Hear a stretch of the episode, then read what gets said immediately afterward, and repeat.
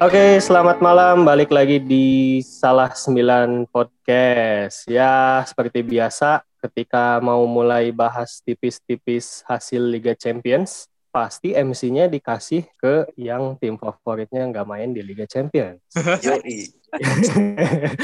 Oke, balik lagi sama gua Reki di sini yang akan bawain episode kali ini. Yang hadir di sini ada siapa aja nih dari Agi is in the house. Agi, lalu ada Alvin Alvin Dan- is not good.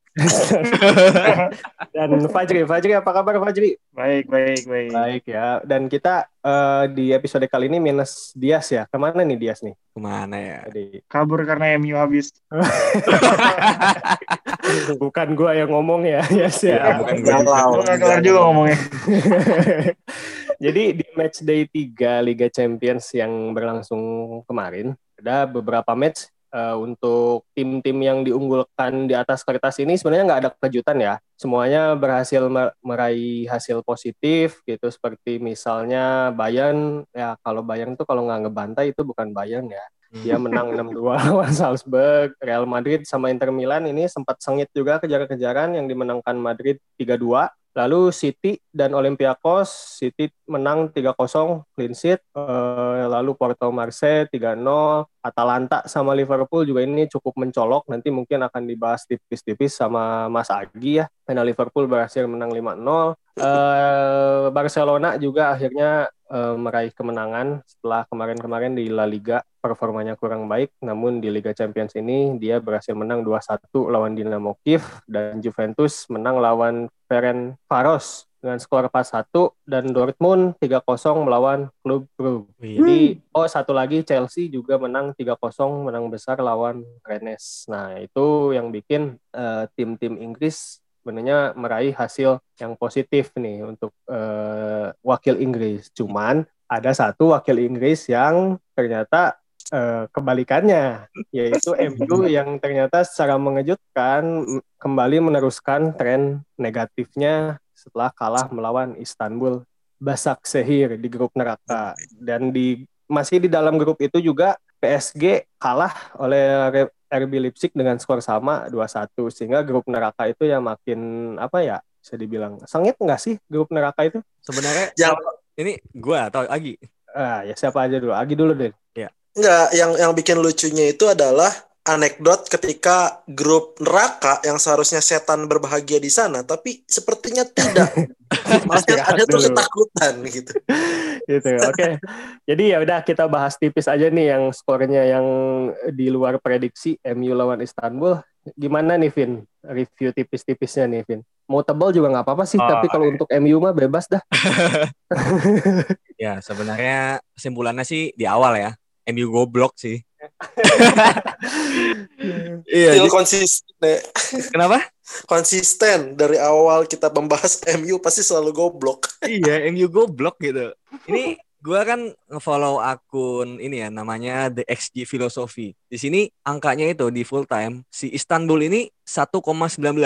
Sedangkan MU cuma 0,54 dari ang iya dari angka ini menunjukkan bahwa MU itu nggak bisa bikin peluang yang berkualitas gitu. Satu gol Martial itu emang agak ya itu bagus ya gol bagus tapi sulit gitu loh dari sudut yang sulit crossing juga itu kayak cuma beberapa kali dan juga di luar itu nggak ada peluang-peluang berbahaya lainnya sama sekali gitu. Dan yang parahnya adalah MU ini kan depannya ada banyak ya pemain berkualitas sebenarnya ada Rashford, Martial, terus playmaker dua ada Mata, Bruno, terus ada Van de Beek yang Van de Beek. Iya, yang pencari ruang juga. Terus di DM-nya itu Nemanja Matic yang emang eh, kualitas passingnya bisa breaking the lines gitu. Tapi anehnya MU itu nggak bisa bikin peluang, terutama di final third-nya. Itu jelek banget, banyak salah passing dan gua nggak paham sih itu sebenarnya masalahnya di mana kayak apakah instruksi pelatih yang salah atau emang pemainnya aja yang nggak bisa menjalankan inst- instruksi pelatih gitu. Itu Mhm. terutama di gol pertama ya. Lu kalau lihat gol pertama itu Dembaba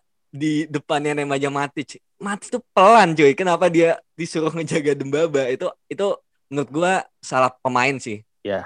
Iya. Oke. Kayak gitu. Jadi ya kita kalau membahas MU ya. Mm-mm.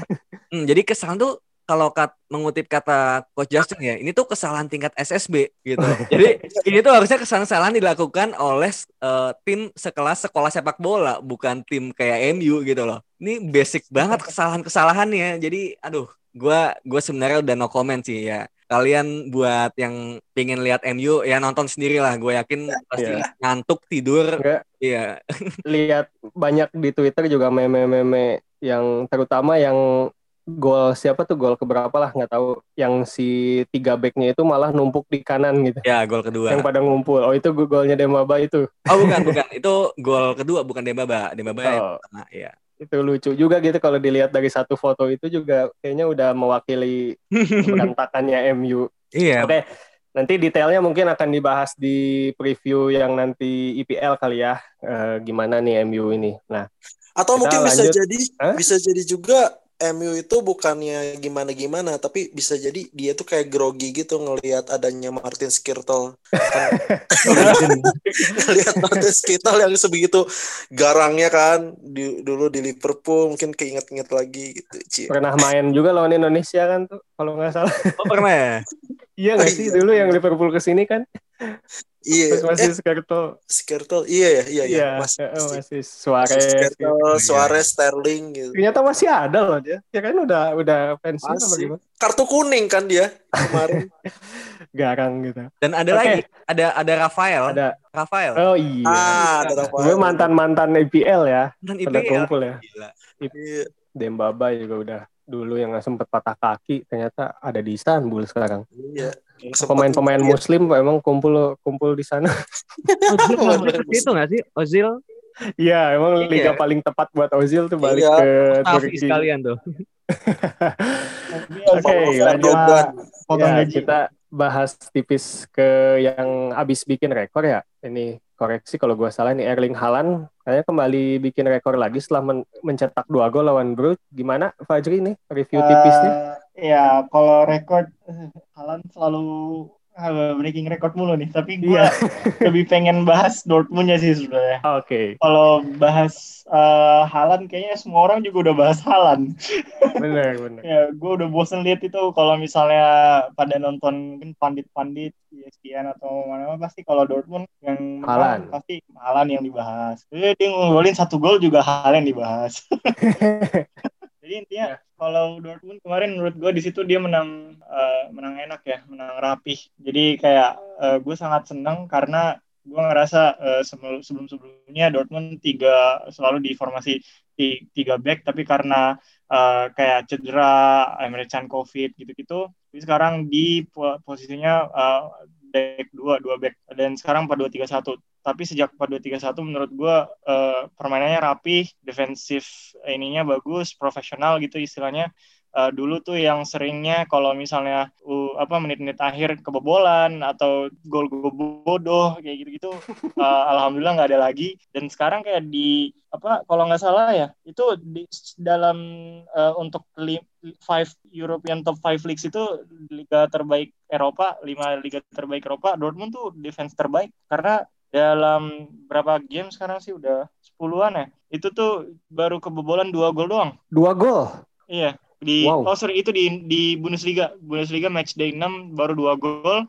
Kalau keseluruhan baru lima gol. Wah, oke. Dua gol juga di Bundesliga doang juga itu udah Itu Keren sih. udah mm, jadi gue seneng eh, tapi ya let's lah buat let's see buat buat hari Sabtu nanti lawan Bayern. Jadi Oke. lu lu bangga di Liga Petani Dortmund. Anjay. Wah, lu eh Nah. ini macam apa cuy? Orang di Champions League perwakilan Bundesliga menang semua. Leipzig 2-1 PSG, Mönchengladbach 6-0, Shakhtar Dortmund 3-0 Bruges sama sama Bayern 6-2 Salzburg. Ya, Nggak apa-apa Jri. bro, harus lagi lagi sentimen lagi sentimen. Wajar iya aja, yain, yain aja ya, dulu. yain dulu lah. Semuanya dianggap dianggap jelek setelah MU kalah. Main lagi Tapi- mental illness. Ngomong-ngomong tadi ya soal RB Leipzig, ternyata tanpa adanya eh, siapa Eh, Mbappe Timo. itu, Oh, Mbak Mbappe mah PSG.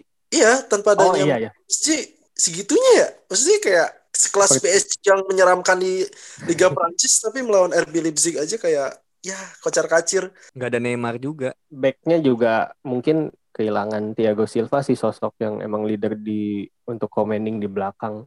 Ya. Sekarang kan udah dipindah ke ini estafetnya ke yang muda-muda kan. Kim Pembe. Mm-mm. Da- Mudah-mudahan. dari kalian ada nggak sih yang yang observasi apa PSG dari kayak sejak awal musim gitu? Sorry ya, gue nggak nggak ngikutin Liga Petani, jadi soalnya. Iya, Lihat aja ntar kalau lagi di Paris nggak terlalu, tapi mungkin nanti kita bisa eh, episode khusus kali ya bahas Paris kalau memang boleh. trennya masih negatif terus nih gitu kita coba kulik Paris juga nih. Nah kayaknya belum banyak yang kulik. Oke lanjut yang mencolok juga nih eh, setelah tadi 3-0 Dortmund, Liverpool juga berhasil menang besar akhirnya clean sheet setelah di beberapa match terakhir Premier League Liverpool lagi kebobolan mulu akhirnya clean sheet juga nih. Ini Adrian bukan di kipernya gitu. Ya, bukan dong. Sudah tentu. Ketika clean sheet sudah tentu bukan Adrian si Bang Jago. Ya, kalau bisa bahas kalau clean sheet Bang Jago itu selalu tidak pernah eh melakukan clean sheet, itu sepertinya bukan karena Bang Jagonya itu tidak Keren. Bang karena Jago. Bang Jago se- senang untuk berbagi gitu. Emang anaknya tuh ini banget, rendah hati banget. Oke, ini langsung aja kita bahas Atalanta versus Liverpool nih. Ya tipis-tipis aja. tipis-tipis aja ya. Jadi eh, Atalanta versus Liverpool itu 0-5 eh, kemenangan besar di mana Jota melakukan eh, hat trick dan eh, gol dua lainnya itu ada Salah dan Mane. Pertandingan kemarin merupakan mimpi buruk bagi Atalanta dan bagi Bobby Firmino menurut kabar yang kini tersebar ya. Jadi kalau bahas pertandingan lawan Atalanta udah wajib hukumnya kita bahas Diogo Jota yang akhirnya kini telah dilirik oleh banyak mata penggiat sepak bola di seluruh Iya. dunia berkat hasil konsistensinya selama per pertandingan ke belakang termasuk gol hat-tricknya di Stadium Atleti Azzurri di Italia kemarin. Eh, bahkan untuk statistik match ya guys, eh, kemarin itu dari 12 shoot on target yang dilakukan oleh Liverpool, empat di antaranya dilakukan oleh Jota dengan empat kali tendangan, yang tiga di antara yang membuahkan gol. Mm-mm. Eh Jadi Jota Jota starter apa Jota starter, oh, dia starter. main 65 menit. Uh-uh. Jadi gue selaku fans Liverpool uh, semakin yakin di ini orang bisa bersaing di starting line up lini depan Liverpool. Bukan cuma bersaing dengan Firmino ya, tolong dicatat, tapi juga bersaing dengan trio Firmansyah itu. Nah, eh, selain itu hal yang tak terduga terjadi di lini belakang di mana pemain kicik pentolan Akademi Liverpool yaitu Rhys William yang berusia 19 tahun mampu mengantongi striker sekelas Japata cuy. Selain itu pemain muda lainnya seperti Curtis Jones dan pemain idola Alvin yaitu Neko William itu mampu memberikan performa yang tidak kaleng-kaleng.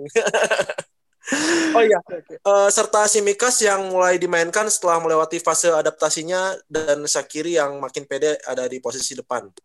Oh, eh, terus eh, ini juga jadi jawaban atas pertanyaan banyak orang ketika awal mula Vivi cedera ya. Liverpool bisa apa? Eh, yang bahkan Fabinho yang digadang akan dikuras habis untuk membantu cedera juga ya? pertahanan, pertahanan Liverpool meski akhirnya menepi juga akibat cedera, tapi ternyata semuanya mampu dihadapi oleh Klopp squad dengan hasil berupa kemenangan gitu. Eh, sorry, Fabinho tuh cederanya cedera apa? Bukan COVID ya? Eh, bukan, dia eh, cedera apa namanya? Cedera otot. Oh ya sama tapi catatan ya untuk tadi eh, yang saya bilang Klopp squad eh, memberikan hasil berupa kemenangan dengan catatan kipernya bukan Bang Jago itu aja. catatan penting ya. Catatan penting ya. Betul dan lalu Ali, Mane, Salah, TAA, terus Hendo itu juga cukup baik dalam menghidupkan eh, permainan kemarin. Terus eh, terakhir butuh satu kemenangan lagi Liverpool dapat lolos dari fase grup eh, UCL saat ini. Semoga ini jadi awal yang bagus untuk menciptakan kembali mimpi indah di Istanbul final nanti, cuy. Oke. Oh, Istanbul ya. bukan? Enggak. Kalau Istanbul Başakşehir ternyata ngalahin klub-klub lain terus kayak peringkat dua terus ketemu Liverpool. Aduh, Yes. Istanbul Başak. Oke, thank you. Stadionnya Jadi itu stadion yang apa? stadion yang ini kan? Gi Atau tur? yang pas Liverpool ya Ataturk kan ya yang menang Liverpool Gak tahu. I- iya kayaknya. Tapi di Istanbul kan? Ya, Di- stadion yang sama itu. Istanbul. Tapi kok kalau stadionnya gue nggak tahu deh. Iya ya. Iya, stadion yang sama itu. Iya, Oh, Istanbul ya. Stadium. Ya makanya harapannya melakukan eh, miracle yang sama gitu. Dejapu. dijapu amin nah, gampang lah nggak males aing kalau misalkan harus kalah dulu yeah. terus drama-drama aduh wah cuy kalau deg-degan tuh suka capek Oke, jadi backnya Liverpool ini menarik ya ini uh, kemarin lawan Atalanta yang diturunin si uh, Rhys William. Ya. Sebelumnya lawan Sheffield ya, yang sebelumnya di IPL yang diturunin Nat Phillips gitu. Jadi kayak Klopp juga masih coba-coba juga ya. Iya. Uh, nah, sebenarnya gitu karena Nathan Phillips juga nggak dimainkan di Liga Champion. Dia nggak oh, masuk gitu. gak masuk list champion. Oke, okay, oke. Okay. Jadi abis ini langsung aja sih ya. Ini enaknya langsung dilanjut aja nih di match pertama nanti ada big match di IPL game week 8 yaitu City versus Liverpool ini. Nah, mumpung Ui. tadi lagi bahas Liverpool, langsung eh. aja nih gua sambungin nih. Kira-kira nih Gi, uh, pertama dari pemilihan back aja dari prediksi Agi ini yang diturunin Klopp berani nggak nih lawan City kan notaben yang dua musim terakhir ini Liverpool City itu title contender paling uh, yang diunggulkan. Kalau nggak Liverpool City Liverpool City setidaknya di dua musim terakhir gitu dan setelah penampilan di dua dua tiga match ke belakang kan Liverpool tampil dengan back yang uh, bisa dibilang pincang lah karena nggak ada VVD. Uh, eh, Jurgen Klopp masih coba-coba entah itu Nat Phillips atau Rhys William atau kemarin sebelum Fabinho cedera Fabinho yang diturunin bahkan di Twitter ada juga yang bilang rumor-rumornya Henderson udah disiapin buat tampil jadi back gitu. Nah ini lawan City ini kira-kira si dari lini belakang dulu aja deh si Klopp uh, beraninya pasang siapa nih? Oke uh, oke okay, okay. uh, kalau bahas IPL gue mau pakai jaket dulu ya karena you know you know lah selalu dingin guys. Mungkin perlu digambarkan karena Alvin sama Reki ini sepertinya udah lama nggak ngerasain gitu. Eh lupa Arsenal pernah ya lo pas awal aja ya lupa. Iya awal musim cuy kalau masih absen. Pas masih absennya di atas. Kalau gue sekarang lagi nyalain lampu Gi. Gelap. Oh gelap. Wah, uh, oksi oksigen masih ada oksigen. Ya sih. Kita ada lah. Tulis hati-hati Gi. Okay, okay. sentimen Gi. Sentimen Gi. Sentimen Iya. Jadi sebenarnya ini bukan laga big match ya karena peringkat 10 melawan peringkat satu jadi ya laga IPL Wah. seperti minggu-minggu biasanya. Wah, ini eh, confident tinggi memang. Kalau kalau bukan big match berani nggak pakai Adrian? Nah. nah. Iya sebenarnya Klopp itu selalu mengeluarkan kartu as uh, dia itu dengan lawan-lawan yang memang standar gitu. Maksudnya kalau misalkan lawan City peringkat 10 mah ngapain Bang Jago diturunin gitu. Anjir. Bang Jago itu udah beda levelnya sama kiper-kiper yang ada di dunia gitu. Dia itu kiper terbaik di Mars ya. Apa sih okay. Jadi Oke, okay. tadi lanjut uh, ya Bang. Uh, back Uh, kalau untuk back sih, kalau menurut gue karena ngelihat kemarin Matip sudah dibawa ke Itali, guys. Jadi kemungkinan besar Matip akan dimainkan nih. Uh, mulai duet lagi dengan Jogo Gomez. Ya, uh, entah walaupun bisa kemungkinan juga uh, ada pemain-pemain muda dijadikan starter tapi kemungkinan besar kalau gue sih ngelihatnya Joel Matip gitu. Nah untuk bahasan soal Hendo akan uh, ke belakang atau Milner waktu itu juga sempat rame. Iya. Sebenarnya kalau uh, Klopp itu tidak apa ya, ketika dia masih memiliki pemain akademi itu mereka uh, dia pasti akan selalu lebih condong memberikan peluang gitu. Jadi untuk Hendo di belakang atau segala macam itu itu kayak jadi opsi yang paling paling paling buruk gitu. Jadi selama ini jauh lah dari pikiran Hendo akan dijadikan back itu yeah. sih kalau menurut Aing. Nah, uh, terus kalau untuk bahas City Liverpool dari hasil positif yang didapat Liverpool saat UCL kemarin sebenarnya ini jadi modal yang kuat untuk tim juara IPL musim lalu bertandang ke Makas tetangga berisik ya, yang kini berisiknya masih kayak sound effect ya. Nah, uh, Thiago kemungkinan besar udah bisa dimainkan nih setelah dua pekan absen akibat cedera yang dialaminya setelah melawan tetangga anarkis yaitu Everton. kayak kabar baik. kabar baik sehingga mempertebal ini tengah Liverpool. Uh, tadi Matip juga kemungkinan juga akan turun ya, yang siap untuk mengantongi De Bruyne. Nah, selain itu kalau di sisi Man City sebenarnya nggak beda jauh dari Liverpool di mana kans positif dan kemenangan-kemenangan kemarin juga bisa jadi meningkatkan kepedean mereka menghadapi rekan-rekan Bang Jago nanti. Dan uh, untuk Ferran Torres yang meskipun tidak nampak di IPL tapi di Champions doi selalu memberikan gol untuk City. Ditambah oh iya Gabriel Jesus juga kini udah pulih ya dari cederanya kemarin ya, sudah mulai pulih. Jadi bisa jadi menambah keseruan untuk pertandingan nanti. Nah, sebenarnya ini PR terpenting buat City itu uh, tinggal kemampuan mereka menghalau gegen pressing club squad sih. Kita lihat aja apakah Johnston uh, masih bisa main cemerlang seperti saat melawan Olympiakos kemarin atau enggak itu itu sih kuncinya. Uh, at least kalau menurut gua pertandingan nanti bakal seru. Iya. Jadi untuk City sendiri sih sebenarnya banyak PR juga nih uh, dari pertandingan IPL sebelumnya City ini agak agak agak susah ngegolin karena nggak ada striker murni. Jadi kalau yang tadi yang off the record sempat uh, eh, gue bahas sama Alvin, memang City ini XG-nya selalu kecil ya Vin ya kalau lu lihat ya Vin. Pas lawan Sheffield tuh cuma hampir dua kalau nggak salah 1,54 kalau nggak salah ya. Iya, karena ya. mungkin salah satu salah satu kendalanya nggak adanya striker di tengahnya itu loh. Jadi kan selama ini City ini masih otak-atik juga nih. Kadang si Riyad Mahrez juga pernah taruh tengah, Sterling juga pernah taruh tengah, lalu pas lawan Arsenal Aguero sempat sembuh, taruh tengah itu udah mulai sempat harusnya sih bisa jadi enak kalau Aguero-nya tetap sehat. Tapi kan ternyata Aguero-nya cedera lagi.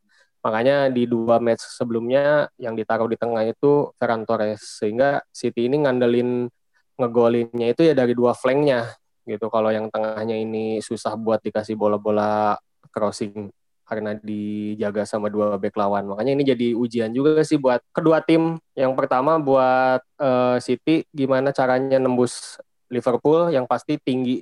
Kedua tim ini pressingnya kan sama-sama tinggi ya. Yeah. Gimana bisa uh, nembus untuk Liverpool sama gimana Liverpool menghalau penyerangan dari City lawan Sterling, lawan Riyad Mahrez dengan back yang tadi Joe Gomez sama Joe Matip atau mungkin nanti Klopp juga kejutan nampilin kembali Rhys William mungkin nggak sih gitu gitu ada ada kemungkinan ada kemungkinan kan makanya ini bakalan bakalan ketat sih kayaknya ini yang satu lagi ada masalah ngegolin cuman kemarin kan lawan Olympiakos ternyata udah mulai Ferran Torres di tengah udah mulai enak ya, mudah-mudahan nanti bisa jadi match seru sih buat penonton netral prediksi skor Gi Ya. Menurut lu kira-kira kan gini kan kemarin kita tuh dua match terakhir Firmino kan ini agak flop ya dan yeah. gantinya Diogo Jota ini lagi cukup bersinar. Menurut lu siapa nih yang bakal turun jadi starter? Firmino, uh, Jota atau malah Origi? Kalau kalau Origi ini ini ya uh, opsi yang sangat mengejutkan yang dikeluarkan oleh uh, kalau Origi kemungkinan besar tidak ya. Mohon maaf Origi uh, mungkin nantilah sama Bang Jago nanti akan main di Liga Kaleng. Nah, kalau untuk yang nanti akan jadi starting line up, uh, kalau menurut gue sih tetap uh, Roberto Firmino ya. Okay. Entah sebagaimana uh, bersinarnya Diogo Jota, tapi tetap Klopp punya standar tersendiri atau skema tersendiri karena dia pun uh, apa ya kemarin sempat dibahas juga soal Roberto Firmino dengan Diogo Jota di press uh, apa uh, apa namanya press press press conference setelah pertandingan Atalanta kemarin bahwa jangan sandingkan antara Roberto Firmino dengan Diogo Jota. Maksudnya mereka juga sebenarnya saling apa ya karena kebetulan Diogo Jota lagi bersinar tidak tidak dalam artian uh, Roberto Firmino benar-benar buruk gitu. Hmm, karena yeah. tadi gue bilang yang jadi permasalahan sekarang itu yang harus deg-degan bukan cuma Roberto Firmino tapi juga salah dan Mane juga perlu jadi perhatian gitu. Ketika bisa aja nanti pada saat ke depan salah yang flop atau mana yang flop itu bisa jadi uh, rotasi pemain. Sebenarnya itu aja sih yang yang jadi yang jadi keunggulan Liverpool saat ini. Ya kedalaman squad untuk lini depan lebih uh, lebih dalam gitu ya itu aja yeah. tapi kalau untuk trio Firmansyah Aing yakin bakal tetap menjadi uh, pilihan starting line up-nya untuk Klopp. Oke, okay, bakalan seru berarti ya City lawan Liverpool nih mudah-mudahan yang satu uh, penyerangannya udah paten, yang satu masih agak-agak mandul. Jadi prediksi skor berapa nih Gi? Prediksi skor um, 2-0 sih pengennya. 2-0 untuk uh, tamu. Untuk tamu, untuk Liverpool. Oke, siap. Itu dari Untuk dari City. sisi fans dari, dari sisi fans Liverpool ya. Tapi kalau dari gua yang netral sih kayaknya ini seri sih satu-satu. Jangan dong. Jadi apa karena XG-nya City selalu satu ya. Jadi ya lu kasihlah satu. Jadi bukan 2-0 tapi 2-1 gitu. Satu. Nah, Iya. Oke lah, Karena. XG-nya satu. City satu mulu. Pembuktian Oke lah, satu. Oke, oke satu tapi eh, alinya diganti sama Bang Jago udah itu. Oke, next match kita ke mana dulu nih? Mau loncat dulu ke klasiker apa masih di IPL? Kira-kira nih. so, IPL dulu habisin habisin. ya, habisin aja dulu. IPL dulu. Aduh, gue pengen MU Everton dulu deh. Apa Arsenal Aston Villa deh? Apa, apa Alvin marah-marahnya belakangan deh ya? Ya, boleh, boleh, boleh. boleh. biar di biar dikumpulin dulu tenaganya. Ini Ar- Arsenal Aston Villa juga eh, sebenarnya bukan bukan big match sih. Cuman kan karena kemarin Aston Villa eh, sempat ada di tren bagus bersama Everton sebenarnya mereka sempat ada di puncak klasemen selama satu pekan. Satu pekan apa dua pekan ya? Yang tiba-tiba ada Everton di atas tanpa terkalahkan Villa juga. Lalu kemudian dua-duanya kompak mengalami kekalahan beruntun dua kali dan menjadikan mereka kayak ah ini kayaknya tim cuma eh, fenomenal di awal doang deh ke sini ke sininya kok jadi nothing spesial lagi gitu kan. Hmm. itu untuk Aston Villa sama eh, Everton tadi. Nah untuk match lawan Arsenal sendiri Aston Villa ini kalau melihat dari terakhir lawan waktu kalah lawan Soton yang kebetulan lagi naik juga sekarang tiba-tiba ada di papan atas. Jadi sekarang banyak tim papan tengah yang tiba-tiba ada di papan atas nih. Jadi untuk MU juga Vin lu jangan terlalu berkecil hati siapa tahu tanpa disadari tiba-tiba naik juga di papan atas gitu. Berarti dia emang Emang mediocre. si Aston Villa ini di dua pertandingan saat dia kalah lagi kalau sebelumnya gue sempat ngomong waktu Aston Villa lawan Leeds atau apa lah pokoknya di episode yang salah sembilan sebelumnya Aston Villa ini rapat gitu main pertahanannya ini disiplin gitu. Nah sementara di dua kali yang kemarin kalah justru Aston Villa ini menjadi pertahanan yang lagi gampang ditembus gitu.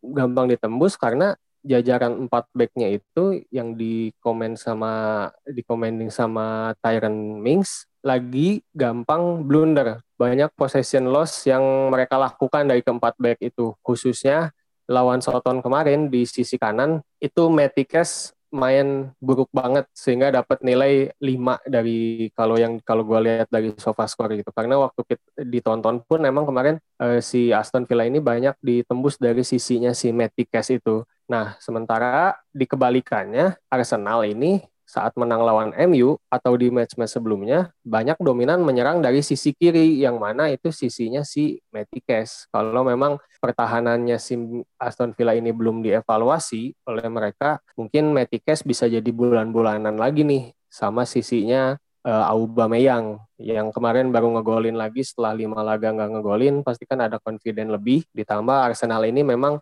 eh, selalu penyerangannya ini dominan dari sisi kiri Tapi karena Golnya penalti. Auba Iya. oh nggak maksud gua si confident Aubanya itu Oh, confidence ya. jadi kan jadi eh, ditambah dengan Metikes yang kemarin lagi gampang ditembus mungkin akan jadi satu keuntungan juga buat Arsenal karena Arsenal ini di sisi kirinya ini kan selalu overload karena dia pasang 3-4-3 pakai Tierney yang overlap di sisi tersebut gitu. Jadi kemungkinan kalau misalnya Arsenal melihat kemarin lawan Soton bisa menjadi bisa di apa dibombardir lagi sisi kirinya gitu. Agar si Metikes ini banyak error juga. Nah, Rek, rek. untuk ya Kalau lawan yang bukan kayak tim-tim nyerang gitu, kayak Aston Villa, bakal tetap pakai formasi 3-4-3. Apa bakal ganti? menurut gue sih masih kayaknya karena setelah coba 4-2-3-1 lawan Leicester kemarin ya kita punya missing link di situ Arsenalnya. Maksudnya karena nggak ada playmaker yang bisa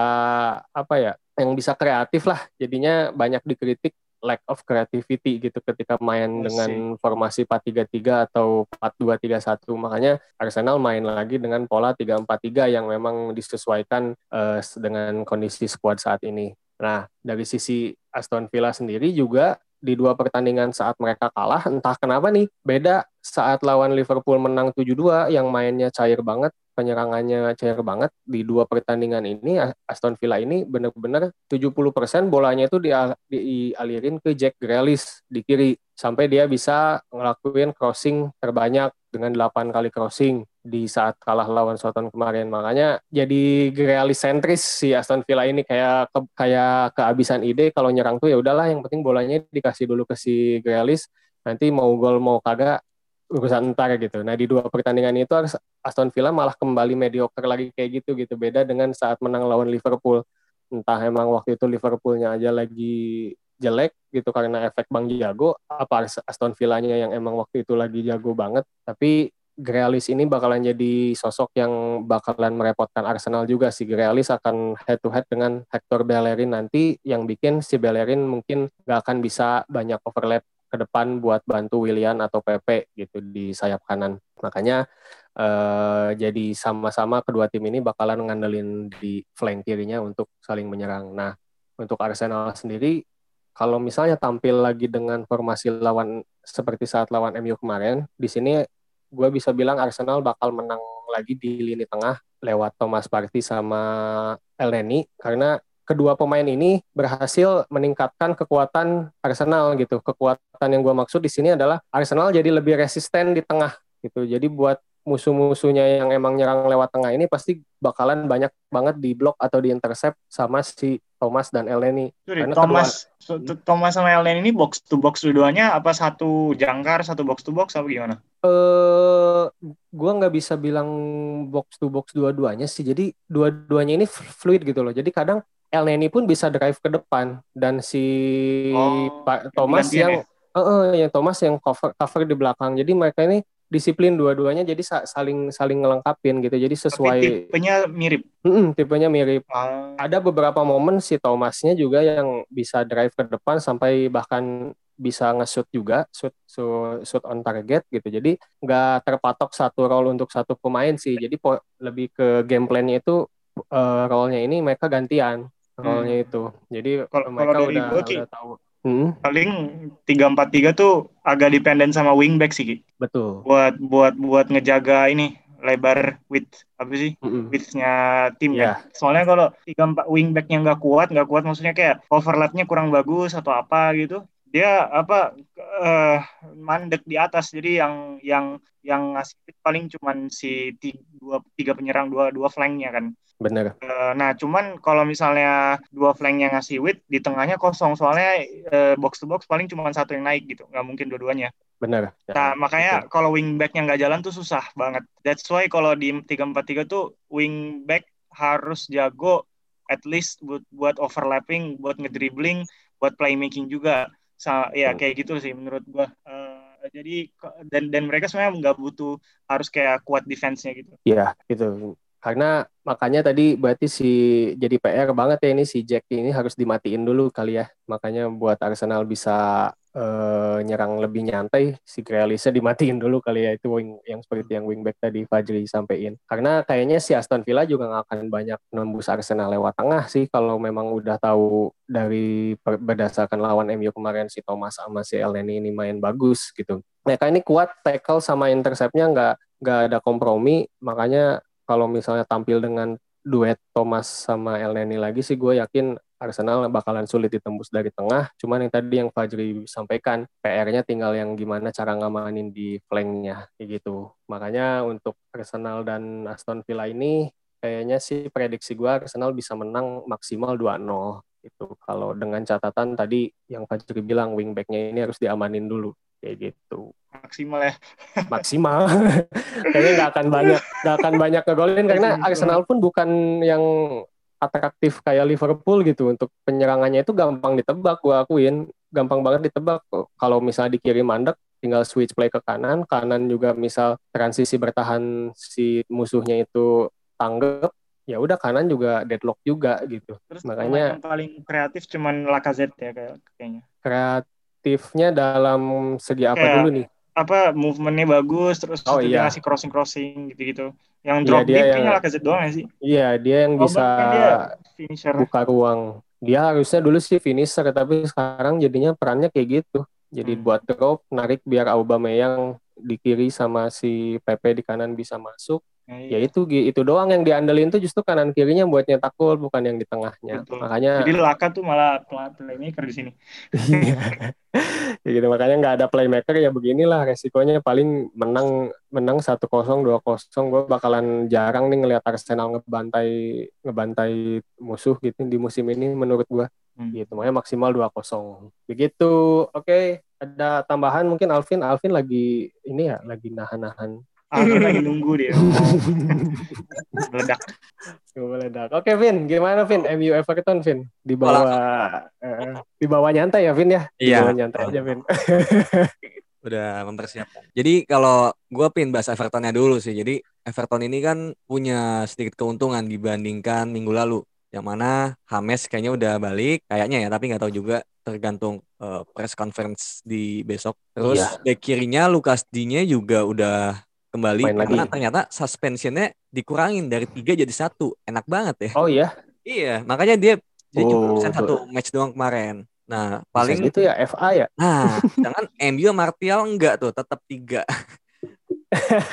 Kurang. Nah, cuma dia kehilangan tuh bek kanan, yaitu Coleman kan cedera. Jadi kemarin gantinya tuh siapa gitu, gua gua lupa. Nah, tapi praktis dari situ ya udah eh, Hames ini kan main di kanan, bakal masuk ke dalam, terus depannya masih mengandalkan Dominic Calvert-Lewin sebagai apa? poacher yang mana harus diwaspadai nih bola-bola atasnya dan juga crossing-crossingnya Everton ini kan lumayan ajaib ya. Ada Hames, ada Lukas Digne juga. Jadi menurut gue di sini salah satu PR-nya MU adalah mengantisipasi crossing sih, terutama buat Maguire sama Lindelof itu nggak boleh sampai ada miscommunication kayak gitu. Nah, melihat kalau misalnya Everton tengahnya nanti bakal jadi tiga gitu, tiga atau empat, MU kayaknya juga butuh tambahan tenaga kan di tengah. Nah, gue pikir MU itu bakal main diamond lagi atau 4-3-3 yang mirip law- lawan Arsenal gitu. Karena kalau 4-2-3-1 kayaknya tengahnya dua itu agak ini agak susah ya melawan ada Hames di situ, ada Andre Gomez, Doucoure dan si Alan juga gitu. Jadi apalagi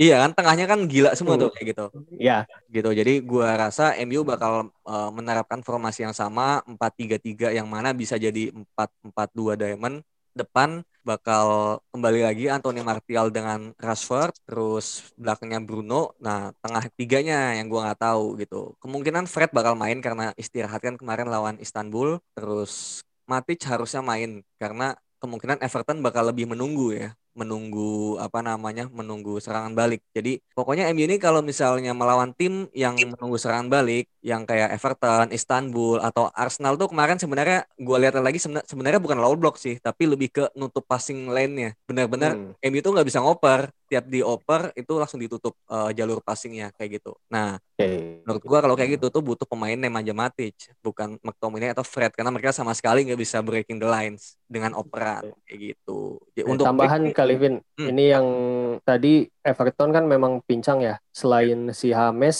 yang gua ingat kemarin yang cedera itu Richarlison. Oh. Gitu. kartu merah ya yang lawan Liverpool ya Iya. akumulasi akumulasi juga eh cedera iya akumulasi sorry dan ketika dua pertandingan kalah kemarin Everton saat lawan Southampton sama Newcastle tanpa Richarlison tanpa Coleman. Coleman itu diganti sama dua bocah Godfrey sama Kenny itu di- masih dicoba-coba kayaknya Oh, sama iya. Ancelotti. Nah si Everton ini sempat ngubah polanya nih eh, formasinya. Waktu kalah lawan Soton dia tampil 4-3-3 Hmm. dengan si yang di kanan itu biasanya Hames yang jadi wide playmakernya diganti sama Gilvy Sigurdsson. oh Nah, pa- pas kalah lawan Newcastle mungkin karena 4-3-3-nya ini kurang jalan diganti jadi 4-2 eh 4-3-2-1 kayak formasi Ancelotti pasang dulu zaman AC Milan yang pohon cemara gitu. Ah. Yang dua, dua, dua AM di belakang si Calvert-Lewin-nya itu si Andre Gomez dan Gylfi Sigurdsson. Mungkin itu juga dia coba-coba juga ini karena kan nggak adanya Richarlison sama James bikin dia jadi eksperimen dan ternyata kurang greget juga gitu. Nah mungkin nanti lawan MU gua nggak tahu nih bakalan pasang gimana nih Everton. Bakal Iya. coba-coba lagi apa gimana. Mm-mm. tapi emang kelihatannya Ancelotti ini ini ya menekankan eh, overload di tengah ya Iya, dari overload tengah. yang udah dipakai kan Karena pemain sayap murni di Everton juga sekarang ya cuma Iwobi Iwobi. Richarlison juga kan sebenarnya nggak yang murni winger menyisir banget di Iya. ini gitu di di lebar. melebar banget gitu kan. Inside ya, inside forward. Semuanya pada cair di tengah gitu. Gilvy Mm-mm. juga ternyata nggak bisa gantiin Hames. eh role-nya Hames banget gitu. Iya. Oke, lanjut Win. Ya, oke. Sebenarnya udah sih untuk eh, susunan pemain kayak gitu. Terus tadi di CB pasti kembali sih Maguire sama Lindelof yang mana diharapkan menang bola atas dari si Dominic Calvert-Lewin gitu. Dan untuk prediksi jalannya pertandingan itu seperti yang tadi gue bilang kemungkinan permainan bakal bola lebih banyak di MU dan Everton yang bakal lebih banyak menunggu serangan balik karena memang mereka kuatnya di situ kan. Betul. Ya inilah yang harus diwaspadai MU. MU malah kalau melawan tim yang begini nggak bisa nih, nggak bisa ngebongkar. Terus tiba-tiba ada aja kan serangan balik yang nggak jelas, terus gol, terus semangatnya turun. Udah deh, gitu. Selesai. Semangatnya turun. iya, iya. Jadi bingung lah Iya. gitu. Kalau melawan kayak gitu tuh, lu mengandalkan, lu MU tuh cuma mengandalkan eh, magicnya Pogba, magicnya Bruno kayak ya tiba-tiba bisa syuting dari jauh gol atau tiba-tiba penalti kan. Tahu. Ghost of voucher. Transisinya MU ini emang agak iya jelek gitu ya. Jadi transisi ke bertahan maksudnya. Jadi pasti repot mulu gitu sama yang counter apa gimana? Eh sebenarnya kalau bicara transisi sebenarnya tergantung pemain yang dipakai sih gitu. Mungkin kemarin pas lawan Istanbul tuh kelihatan transisinya jelek karena ini benar-benar full attack kan. Dia tuh Ya. DM-nya cuma nembaknya Matic terus AM-nya tiga eh, Van de Beek, Mata sama Bruno gitu. Makanya jadi terlihat mungkin eh, transisinya jelek dan Shaw kan maju banget tuh. Ya, Jadi- jadi kayak agak agak jadi kayak sayap kiri gitu. Tapi kalau pas lawan Arsenal itu malah bukan transisinya, tapi malah nggak bisa ngebongkar pertahanan Arsenal karena eh, pemainnya yang dipakai tuh Fred, McTominay yang nggak bisa eh, bikin passing breaking the lines kayak gitu. Jadi masalah itu banyak sebenarnya. Lawan siapa aja tuh ada bisa. masalahnya sebenarnya. Spesifik gak bisa punya possession lawan Arsenal sama sekali gitu kan. Ya, waktu lawan Leipzig gimana, Vin? lawan Leipzig tuh eh, di awal-awal ya, terutama babak pertama itu Leipzig lebih banyak pegang bola gitu. Dan MU kan apa namanya marking pemain-pemainnya eh, apa namanya diikut eh, apa ya kayak agak man marking gitu. Kan Leipzig itu eh, permainannya fluid banget ya, cair. Siapa eh, ada yang turun, ada yang apa namanya pergantian posisinya cepat. Di situ bagus karena MU bagusnya di situ. Apalagi tengahnya ada ada McTominay sama Fred yang bisa dibilang mereka itu eh, paru-parunya ada tiga nggak ada capek-capeknya kayak gitu apalagi Van de Beek juga kan dia positioningnya bagus kayak gitu Jadi maksudnya kalau waktu lawan Leipzig tuh lebih ke arah karena mereka kayak eh, di posisi yang bertahan terus counter attack, transisi cepat, terus langsung golin gitu ya? Apa iya gimana? eh, ya gue bisa bilang sebenarnya agak apa ya agak reaktif gitu karena nggak lu Reaktif. Iya agak agak gua gua nggak bilang reaktif banget ya tapi dia lebih ke melihat pema- eh, permainan Leipzig terus MU merespon permainannya dia gitu akhirnya Hmm. bisa lah dengan dengan apa namanya eh, intercept atau block kemudian langsung eh, counter attack kayak gitu Tapi pas MU disuruh berplaymake nggak bisa ya? nah Iya, itu dia sebenarnya pas suruh susah. playmake tergantung lawannya juga kebetulan kemarin Arsenal tuh bagus banget ber- eh, dalam apa penjagaan pos eh, apa penempatan posisinya dan Hmm. eh, apa menutup jalur passingnya pemain MU. Kebetulan MU pasang DM-nya itu yang nggak bisa ngoper, yaitu Fred sama McTominay gitu. Jadi intinya gimana? MU nggak bisa ngebongkar low block. Low block se- dari pemain tuh sebenarnya bisa. Ada Bruno, misalnya yang dipasang gini, eh, Matic, Pogba, Bruno, Mata itu tuh udah cukup banget sebenarnya. Tapi kan balik Hmm. lagi kayak yang tadi, MU ini nggak ada struktur permainan Skemanya. jelas. Iya, mengandalkan itu dia. Top of the struktur day. gitu. Iya, tergantung mood pemain aja. Kalau tiba-tiba moodnya jelek, lu mau apa coba? Dan Iya, itu iya. salah siapa, Vin? Ya, nggak perlu kita bahas lah ya. Ya ada hashtag lagi. Dari kambing hitam berarti emang Iya, paling iya. mudah. Boleh out. boleh Gitu out. Oke, sih. jadi rumornya ini yang tadi gue baca di Twitter beberapa jam lalu katanya MU ini udah mulai approach ke Pochettino jikalau memang lawan Everton hasilnya tidak sesuai yang diharapkan itu. Ini nggak tahu ya apa hoax atau benar, cuman ya jadi lampu kuning juga nih buat si Ole nih kalau memang lawan Everton Hmm, hasilnya jelek lagi gitu kan. Iya. Lu lu sendiri lihat Ole ini gimana sih Vin? Apakah dia nih menurut lu pelatih yang bakalan ini Ole masih bisa kok benerin gitu. pertanyaan sulit sih Eh, sebenarnya. Ja- jangan lupa Alvin kemarin bilang gua melihat Iya, Ole iya, stay iya. until end of season. Ayo, Nah, iya, iya. itu di episode Gua mana masih ya itu. Gue masih ingat Tolong itu. nanti diedit lagi tuh di cut dimasukin ke teaser ya. Emang gue gue gue tuh eh, nggak nggak bilang oleh out sih gitu sampai sekarang bahkan gue masih mau mau masih mau melihat dia gitu gimana cara dia merespon apa namanya ketika tim lagi down kayak gini. Dia ada nggak kayak sebuah kan gini. Sebenarnya kalau untuk bicara improvement udah ada sih beberapa hal kayak misalnya musim lalu kan dia formasi stuck tuh ya 4-2-3-1 doang. Tapi di musim ini dengan tambahan-tambahan pemain seperti Cavani, Van de Beek itu cukup membuat ini apa namanya adanya beberapa variasi formasi yang bisa dipakai. Cuma mungkin masalahnya adalah oleh ini bingung ketika formasi udah di udah diubah itu role-nya harus seperti apa, perannya seperti apa atau siapa dipasang se sebagai apa gitu. Jadi kayak masih nggak tahu gitu. Misalnya Pogba atau Van de Beek ini tuh Van de Beek tuh mau main sebagai apa? Kemarin tuh lawan Istanbul, yeah. Van de Beek tuh jadi double pivot. Itu aneh banget sebenarnya.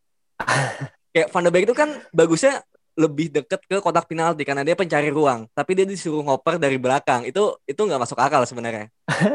Kayak Unai dulu. iya, dia dia oke okay, formasi ada variasi tapi tidak menempatkan posisi um, tidak menempatkan pemain pada posisi yang sesuai sesuai dengan uh, kemampuan terbaiknya dia. Jadi nggak keluar kayak gitu loh. Itulah yang mungkin masih masih coba-coba dan gue sih merasa ya udah gue mungkin bakal seneng ya kalau uh, kalau Poch masuk gitu. Tapi kalaupun oleh bakal jalan nggak apa-apa, gue bakal terus dukung manajer yang ada sampai. Oh, iya. Itu memang pride dong itu. Apa? kalau pride, pride fans. kalau Poch Fin lo apa si The Glazer sama Woodward harus sabar karena dia tipe pelatih kayak Klopp menurut gue. Oke, okay. ya, benar. bukan pelatih yang kayak Mourinho atau Guardiola yang langsung kayak musim satu baru langsung langsung apa kayak langsung deliver gitu loh langsung langsung menang juara atau apa masalahnya hmm. jadi bukan bukan Pochettino pun MU tetap harus sabar gitu jadi apa bedanya paling yeah. iya paling paling reset banget dari nol iya paling yang terbaik juga pas Mourinho kali ya pas Mourinho di musim pertama dan kedua musim pertama kan juara Europa League sama uh, Piala Liga, tapi di liganya pun juara 6, apa ranking 6 gitu. Terus kalau yeah. peringkat uh, musim keduanya Mourinho itu peringkat 2, yang mana kata Mourinho itu pencapaian terbaik dia dalam hidupnya dia. Iya, yeah, gue inget banget. Iya kan? pencapaian terbaik. Waktu itu orang kayak ketawa gitu, sekarang orang kayak bener juga. Ini tuh 81 ya kalau nggak salah poinnya atau jauh lah pokoknya dari City. Hmm. 81 kalau nggak salah poinnya. Beda 19 City 100 kalau nggak salah. Hmm gitu. Ya, jadi, tapi kalau hmm. kalau kalau dengar apa yang dikatakan oleh Fajri, jadinya gue kayak kepikir memang sepertinya Pochettino benar-benar tidak cocok buat MU sebenarnya. Makanya ya. agak agak sulit nih. Uh, bener apa yang kata Alvin lebih cocok ketika ya udah musim ini MU bobrok dulu aja gitu sama Ole. Nanti baru pas musim baru barulah pelatih baru gitu loh. Kayak Klopp juga kan dulu Iya untuk skemanya gitu. Jadi uh, di apa namanya musim baru 2015 barulah uh, Klopp masuk mengubah semua semuanya gitu. Sedangkan kalau sekarang musim berjalan mau pelatih sebagus apa pun kalau isi pemainnya masih kayak gitu ya susah. Menurut gue balik lagi sih ke kayak ini tuh MU tuh sebenarnya maunya seperti apa sih filosofinya? Kayak apakah mereka mau nyari pelatih yang kayak bisa kayak Ferguson gitu. Jadi benar-benar ngemegang semua terus habis itu benar-benar uh, ya pokoknya dia yang ngurusin semua dari A sampai Z dan dia bagus banget dan lama gitu. Dan membangun membangun sebuah apa ya sebuah struktur lah di dalam di dalam klubnya. Karena kalau kayak gitu menurut gua coach bisa banget. Asal ya harus didukung lah segala macam dikasih waktu. Kalau misalnya dia minta pemain ya lu dapet anjir. Nggak nggak kayak kayak kemarin-kemarin. Ya lu harus dukung 100% Iya. Watch ini kalau dari tengah kasihan ya. Uh, bener. Kalau ini setengah-setengah kayak gitu. Lu lu bawa pelatih bagus tapi lu nggak dukung. Ya gimana caranya lu mau ini kan? Jadi kayak sekarang tuh menurut gue posisinya sepertinya kalau oleh out watch tinggi kemungkinannya menurut gue ya untuk akhirnya dibawa ke MU tapi kayak menurut gue tinggi juga untuk si apa namanya uh, coach nggak bakal tahan lama. Iya. Ya memang sekarang cuma Pochettino yang pelatih high profile yang tersisa ya. gitu. Nggak ada lagi. Paling Sam Allardyce. Arsene Wenger. oh, gitu. Arsene Wenger. Oh iya. ya udah udah kerja di FIFA lagi jadi pegawai negeri FIFA. pegawai negeri. jadi Arsene Wenger kayak Glazernya nggak mau deh. gitu. Nah, tapi kalau kalau ya kalau nanggepin yang Fajri ya, yang Fajri tadi, tadi kan dia bilang MU tuh mau dibawa ke mana kan, eh, permainan seperti apa? Menurut gua MU-nya pun sebenarnya nggak tahu karena eh, awalnya kan Moyes, habis itu Van Hal. Van Hal ini kan kayak pelatih yang iya kan, pelatih yang kayak eh, mungkin lebih memperhatikan dari segi taktikal kayak gitu-gitu. Terus tiba-tiba dia pindah ke Mourinho gitu, yang mungkin man- manajemennya lebih bagus dibanding taktikalnya. Terus sekarang ke Ole yang bagusnya mungkin mirip kayak Fergie gitu, main manajemen eh, tapi main manajemennya pun nggak sebagus itu gitu. Jadi ya gue bingung gitu. pengalaman sih, pengalaman sih memang kayaknya kalau oleh itu perihal pengalaman aja. Dan, dan lu jangan lupa Vergi kan juga jago taktik cuy. Yap. Jadi ya itu sih di Ole yang belum. Fergie's time. Vergi Ball. Eh, ini ini pertanyaan terakhir buat eh, Alvin mungkin ya. Jadi menurut lo dengan squad yang sekarang ini, siapa pun pelatihnya bisa nggak untuk eh, juara gitu? Kalau misalnya kita restart ulang ini musim dengan pelatih yang menurut lo cocok dengan tim yang sekarang, itu kira-kira eh, menurut lo bisa nggak jadi juara? Jangan juara deh Gi, kompetitif dulu aja deh. Top 4, top 4. Ya, ya pengen tahu dulu gue. Dari, dari Alvin. Menurut gue dengan pemain yang ada ya, pemain yang ada ya, itu harusnya bisa banget. Iya, karena ya Iya. karena MU itu nggak jelek pemain-pemainnya gitu. I- eh, ini mungkin gua nggak nggak ini ya nggak relevan ya. Kalau misalnya gue lihatnya di FIFA gitu kan, itu kayak backnya tuh Maguire menurut gua nggak sejelek itu. Terus Lindelof juga itu bagus sebenarnya. Cuma mungkin eh, menurut gua yang jelek tuh coachingnya gitu, bukan pemainnya. Tapi dia tuh tidak dilatih seperti seharusnya. Kayak misalnya Wan Ya. Ya Wan Bisaka Iya. misalnya, dia kan bagusnya di defending, tapi eh, attackingnya eh, apa attackingnya jelek gitu. Itu kayak improvementnya tuh nggak terlalu signifikan dari musim lalu. Jadi kayak dia tuh di, diajarin apa sih sebenarnya selama semusim Nah. gitu. Kayak gitu. Iya, iya, iya. Jadi menurut gua Itu- coachingnya. Kalau jadi sebenarnya gua nggak lagi menyoroti eh, pelatihnya aja ya, tapi satu tim kepelatihannya yang mana itu udah berarti permasalahan tim di situ. Jadi misalnya Ya. misalnya nih eh, pelatihnya misalnya Pochettino dan dia ngebawa satu timnya dia dan itu dia bisa membuat eh, sistem coaching yang bagus ke pemain-pemain MU dan didukung juga sama manajemen. Menurut gua harusnya sih bisa lebih bagus. Cuma balik lagi konsistensi dan kemudian di musim selanjutnya di backup atau enggak nih gitu. MU kan gitu. Kalau udah masuk Liga Champion nggak di backup, kayak Mourinho juga nggak di backup. Oke. Ini kalau gua lihat sih ini cerita dikit lah dulu Arsenal waktu lawan Un eh waktu sama Unai permasalahannya ini persis kayak gini gitu 11 12. Jadi yang tadi Alvin bilang kesimpulannya adalah Arsenal saat sama Unai dilatih dengan cara yang salah. Eh, persis sama MU ini. Torreira dijadiin nomor 10 lah sama si Unai, belum lagi yang eh, pemainnya juga jadi nggak harmonis, kubu-kubuan. Mungkin di MU juga belum belum kelihatan aja nih di kondisi dressing room siapa tahu ada ada masalah juga gitu. Dan masalahnya jadi jadi pelik kalau emang dari cara ngelatih udah salah. Cara ngelatih salah ini juga lahir dari yang tadi Fajri bilang. Mungkin filosofinya juga semua di dalam tim itu semua elemen di tim nggak satu visi. Dulu eh, waktu Arsenal sama Unai ini sama-sama mau pemain pelatih pelatih fisik semua itu pada nggak satu visi sama si Unainya sendiri nah mungkin MU juga yang gue lihat 11-12 sih ngelihat dari pemain sekarang tadi dilatihnya caranya salah, role-nya juga dipasangnya tadi Van de Beek malah dipasang agak ke belakang gitu. Gue ngelihatnya sama kayak Arsenal makanya memang sih solusinya ya memang diganti sih Vin kalau gue pribadi. Cuman ya mungkin nggak di tengah-tengah kayak sekarang juga Hmm, hmm. Oke, aduh aja MU nih kasihan nih. Oke, Kevin, lu ini dulu Vin, minum dulu Vin. Iya. Dulu. Karena kita untuk IPL di game week 8 mungkin itu beberapa match yang eh, menariknya kita tadi udah semua bahas. Kita nyebrang ke Jerman di sini ada big match juga dari Klassiker Dortmund lawan Bayern Munchen yang akan dibahas oleh Fajri. Gimana nih Jri untuk kondisi dari Bundesliga-nya dulu nih? Sekarang klasemen gimana nih? Der Klassiker. Sebenarnya gue nggak terlalu suka sih nama Der Klassiker karena kayak nyiplak Del apa eh, El Clasico. Padahal Oh, ini. Dortmund lawan Bayern tuh bukan klasik anjir, bukan kayak Barca lawan Madrid. baru sarang aja ya? iya, Bayern tantangannya banyak kayak ada Hamburg, Mönchengladbach dulu terus habis itu banyak lah. Jadi kayak agak-agak Union agak Berlin, agak Union Berlin. aja. Iya, Union Berlin. Beda cuy. ya kalau klasmen sekarang peringkat pertama Bayern masih karena ada golnya. Kedua adalah BVB Dortmund dengan apa namanya eh, poin yang sama. Peringkat tiga Leipzig. Terus bawah-bawah tuh agak uh, pindah-pindah. Terus San Mönchengladbach, Augsburg, uh, Stuttgart dan sebagainya. Kalau buat der klasiker, uh, gue mau bahas dari tiga hal nih. Formasi, personil, sama key battle nih. Ya tactical battlesnya. Oke, okay, uh, formasi menurut gue kalau untuk Bayern udah straightforward banget sih. Uh, paling 4-2-3-1 lagi. Tapi kalau Dortmund yang jadi pertanyaan, gue nggak tahu dia tuh 3-4-3 atau 4-2-3-1. Jadi Favre pelatihnya Dortmund tuh udah mainin 4-2-3-1 dalam beberapa pertandingan terakhir dan selalu menang sih. Uh, nah, cuman kalau gue berharap lawan Bayern tuh uh, pakai 3-4-3. Kenapa? Karena uh, sebenarnya ini dari dari taktik secara taktik ya.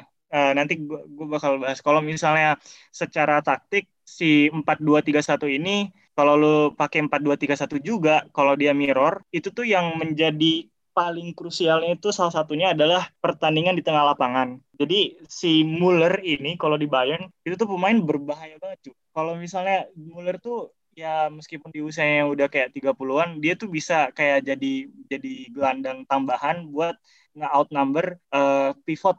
Jadi kan 4-2-3-1 kan dia ada pivot kan ya.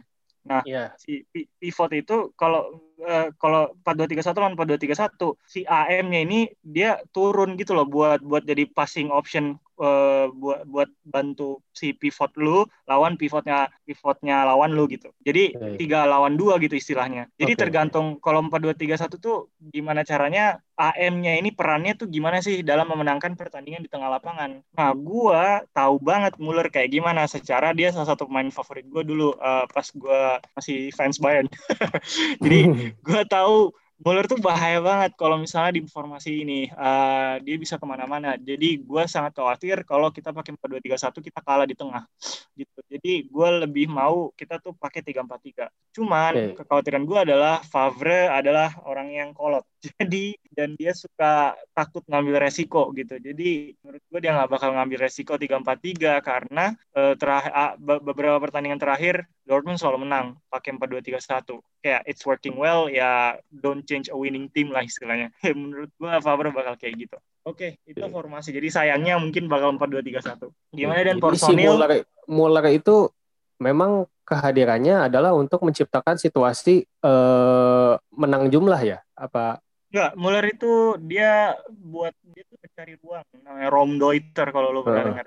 Dia sendiri yang uh, apa nyiptain istilah itu kayak itu menurut gua keunikannya Muller tuh dia bisa hampir bisa semuanya. Dia bisa buat menciptakan uh, apa namanya numerical advantage atau enggak dia juga bisa nyari-nyari kayak space space nggak tahu di mana random dia juga bisa pergi ke flank terus tuker ya. posisi sama winger. Free roll berarti. Dia, bisa dibilang. Free iya semacam free roll tapi benar-benar unpredictable gitu loh free rollnya. Yeah. kalau lu pasang misalnya Mesut Ozil di situ Ozil tuh dia sering drifting lateral. Jadi dia kayak uh, kiri kanan kiri kanan gitu dia nggak vertikal mm -hmm. orangnya. Uh, dia yeah. jadi AM tuh kalau di empat dua tiga satu krusial banget tipe AM-nya tuh kayak gimana? Contoh Kai Havertz. Kai Havertz tuh dia tipe AM yang direct jadi kalau lo pasang AM Kai Havertz dia tuh lebih cenderung buat kayak nusuk ke depan gitu loh. Dia bikin uh, run, dia bikin lari tuh ke, arah, ke atas. Jadi kalau lo pasang Kai Havertz sebagai AM, bagusnya striker lu tuh yang sering drop back. Macam Lewandowski, uh, siapa lagi Aguero gitu-gitu yang suka drop back ke bawah. Jadi kalau dia drop back dia bawa defender bareng sama dia, nanti ada space kebuka di belakang Havertz masuk situ. Itu kalau menurut gua kayak tipe yang vertikal. Tapi kalau tipe yang macam Ozil dia tuh lateral, jadi dia tuh kayak apa bergeraknya tuh kiri kiri kanan kiri kanan. Nah itu kayak switching position, swap position sama iya. winger. Yeah. Nah Muller bisa semuanya. bisa okay. vertikal, dia bisa lateral juga kayak. gue makanya gue bilang kalau empat dua tiga satu bahaya banget karena ada Muller sesimpel itu yeah. doang. Padahal dia udah usia 30 tapi gue nggak nggak pernah lihat kalau Muller yang kayak Muller di Eropa, malah gue lihatnya yang kayak Muller itu rolnya di Persib dulu 2014 si Konate makan tuh kayak gitu tuh. Oh iya. Gua gua ya, ya ini peng, sepenglihatan gua aja sih yang dia emang bisa bisa free free free free roll ke mana-mana. Kayak from gimana sih from Bandung. Kalau kalau AM-nya Lingard itu strikernya harusnya siapa tuh? tuh kan masih masih ganjal nih hati hati strikernya yang harus bisa ini Vin yang harus bisa apa kayak uh, rebound rebound gitu second ball gitu dia bisa karena Lingard pasti miss atau enggak kena tiang. Batner, Batner, Batner.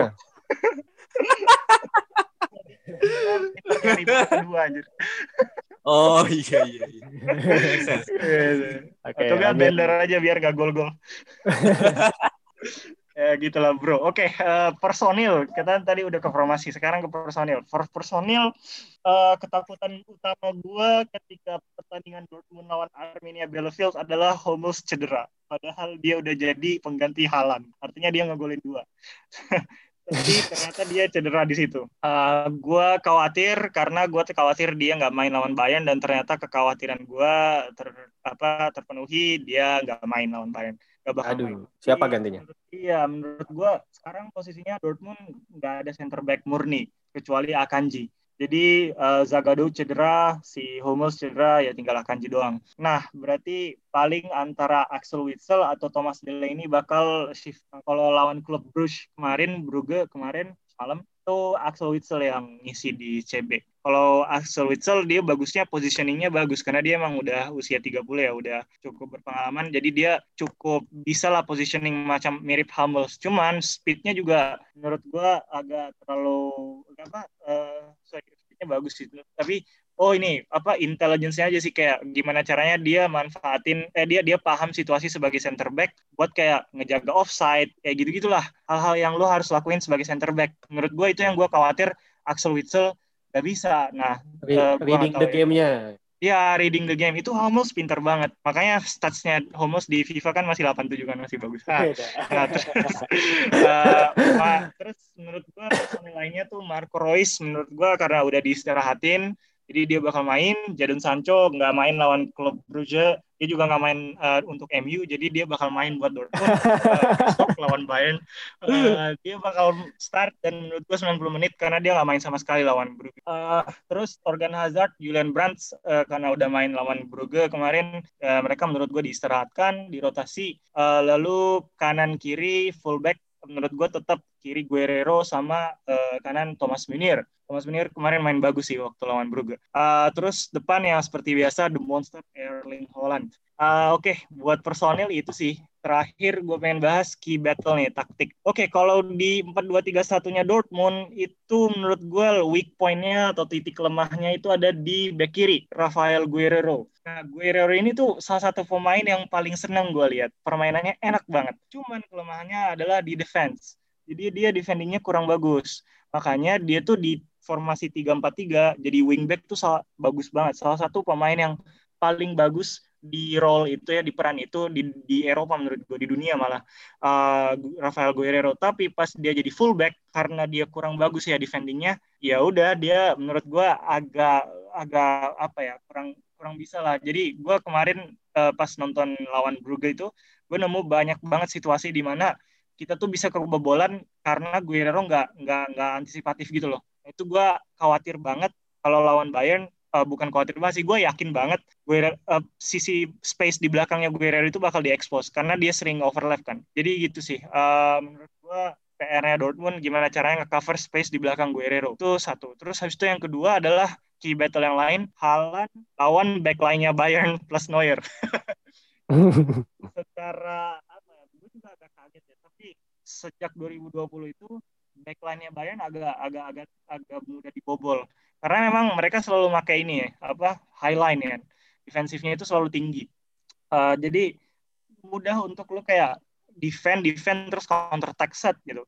Nah dulu uh, tahun lalu si Bayern tuh ada uh, ini road runner tau nggak road runner nggak tahu tuh. Itu yang apa kartun yang pipip gitu loh. Yang larinya kenceng banget itu yaitu si Bapak Alfonso Davis yang larinya oh, gila. Alfonso Davis. Karena kenapa uh, kenapa dia bagus karena dia overlap tapi larinya karena larinya kencang sama stamina nya kuat ya dia lari ke belakang buat nge-cover uh, space cepat juga gitu. Jadi jadi ya lawan sulit buat nge-counter karena dia bakal bakal bisa cover lagi. Nah, sekarang Fonzi uh, Alfonso Davis nggak ada.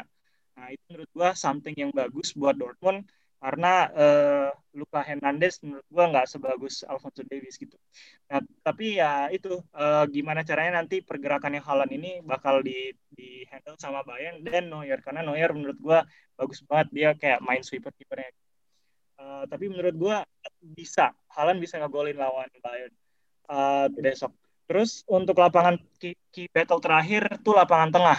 Uh, sorry, bukan terakhir ya. Kedua dari terakhir. Lapangan tengah ya tadi gue bilang gimana Muller akhirnya bisa di contain ya pergerakannya sama gimana caranya pif, uh, pertandingan antar pivot. Nah sayangnya kalau kita bandingin pivot Dortmund sama Bayern, Bayern jauh lebih bagus karena ya ada salah satu pemain terbaik di dunia menurut gue ya Joshua Kimmich. Uh, dia bagus banget pemain itu. Jadi menurut gue akan susah banget dan Kimmich selalu ngegolin lawan Dortmund ya. Tahun lalu dia tahun ini juga di Super Cup dia ngegolin winner kayak dia ngegolin gol ketiga uh, gue ngerasa orang ini tuh mungkin bakal kayak balik lagi menghantui Dortmund uh, kayak Arjen Robben biasanya dia ngegolin lawan Dortmund.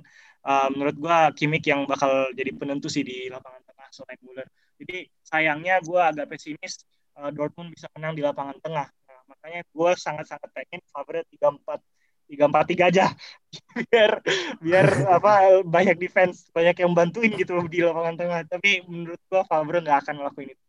Uh, kemudian yang di menurut gua key battle terakhir adalah di uh, fullback. Fullback uh, sorry sorry yang lapangan tengah ini menurut gua masih bisa dilakuin. Kita masih bisa menang kalau wingernya tuh cutting inside.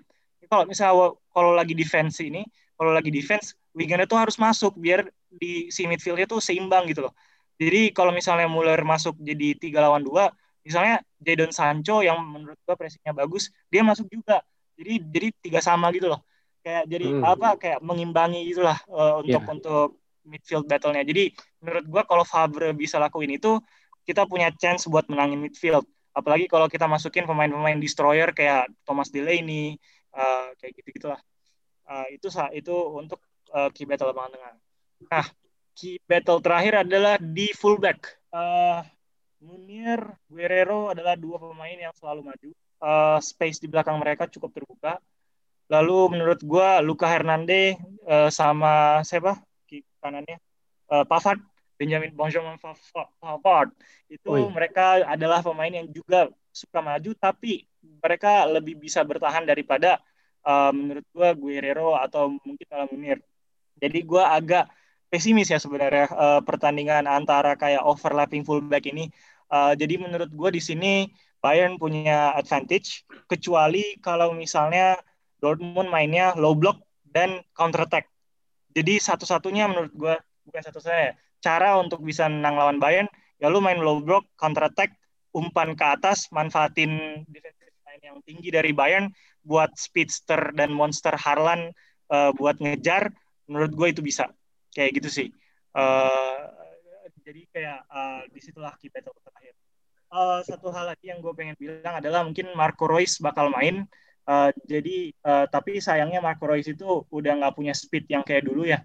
Jadi mungkin dia gue ngerasa kayak uh, kalau lo mau manfaatin highline-nya Bayern paling Jadon Sancho sama Erling Haaland uh, yang bakal jadi apa tuh gitu okay. sama Torgan Hazard karena dia agak lebih direct mainnya. Itu uh, paling itu aja. Nanti itu dua fullbacknya itu fullback Piala Dunia ya gue baru ngeh juga tuh. Papa Hernandez. Sama Hernandez. Kenapa okay.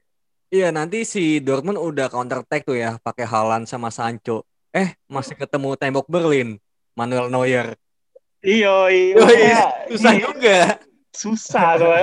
ya maksud gue ini kayak Dortmund tuh belum dites ya selama tahun 2020 mereka kayak clean sheet clean sheet banyak tapi nggak ada kayak klub yang jago banget gitu loh paling Lazio gitu yang bisa iya. ngetes yeah. pertahanannya Dortmund dan ini belum maksud gua belum dites sekalinya dites langsung sama tim terbaik dunia anjir jadi gue kayak agak lucu gitu loh jadi jadi gue ya sebenarnya gak berharap banyak tapi harapan gue at least kalau bisa satu sama gue udah bersyukur banget kalau gue ya. oke okay, jadi prediksinya satu sama nih sama. Uh, itu harapan gue tapi gue rasa mungkin akan kayak satu kosong kayak uh, tahun lalu mungkin Kimi kegolin lagi freak goal lagi atau apa gitu, eh soal ini mainnya di Allianz apa di? Di Signal Iduna. Oh Signal Iduna. Oke, gitu. Jadi uh, uh, apa? Review dari uh, dari Klasika yang akan eh, yang tadi sudah dibahas sama Fajri ya. Mudah-mudahan bakalan jadi seru buat penonton netral khususnya karena ya bakalan bakalan sengit juga tadi seperti yang udah di preview oleh Fajri. Ayo nonton okay. Bundesliga. Ya, ayo nonton Bundesliga tuh pakai hashtag. Nontonnya di mana? Giri di Mola TV. Di Mola TV. Woi, woi, kita tidak dibayar. Kita dibayar kita. kita up uh, hashtag ayo nonton Bundesliga. Oke. Okay.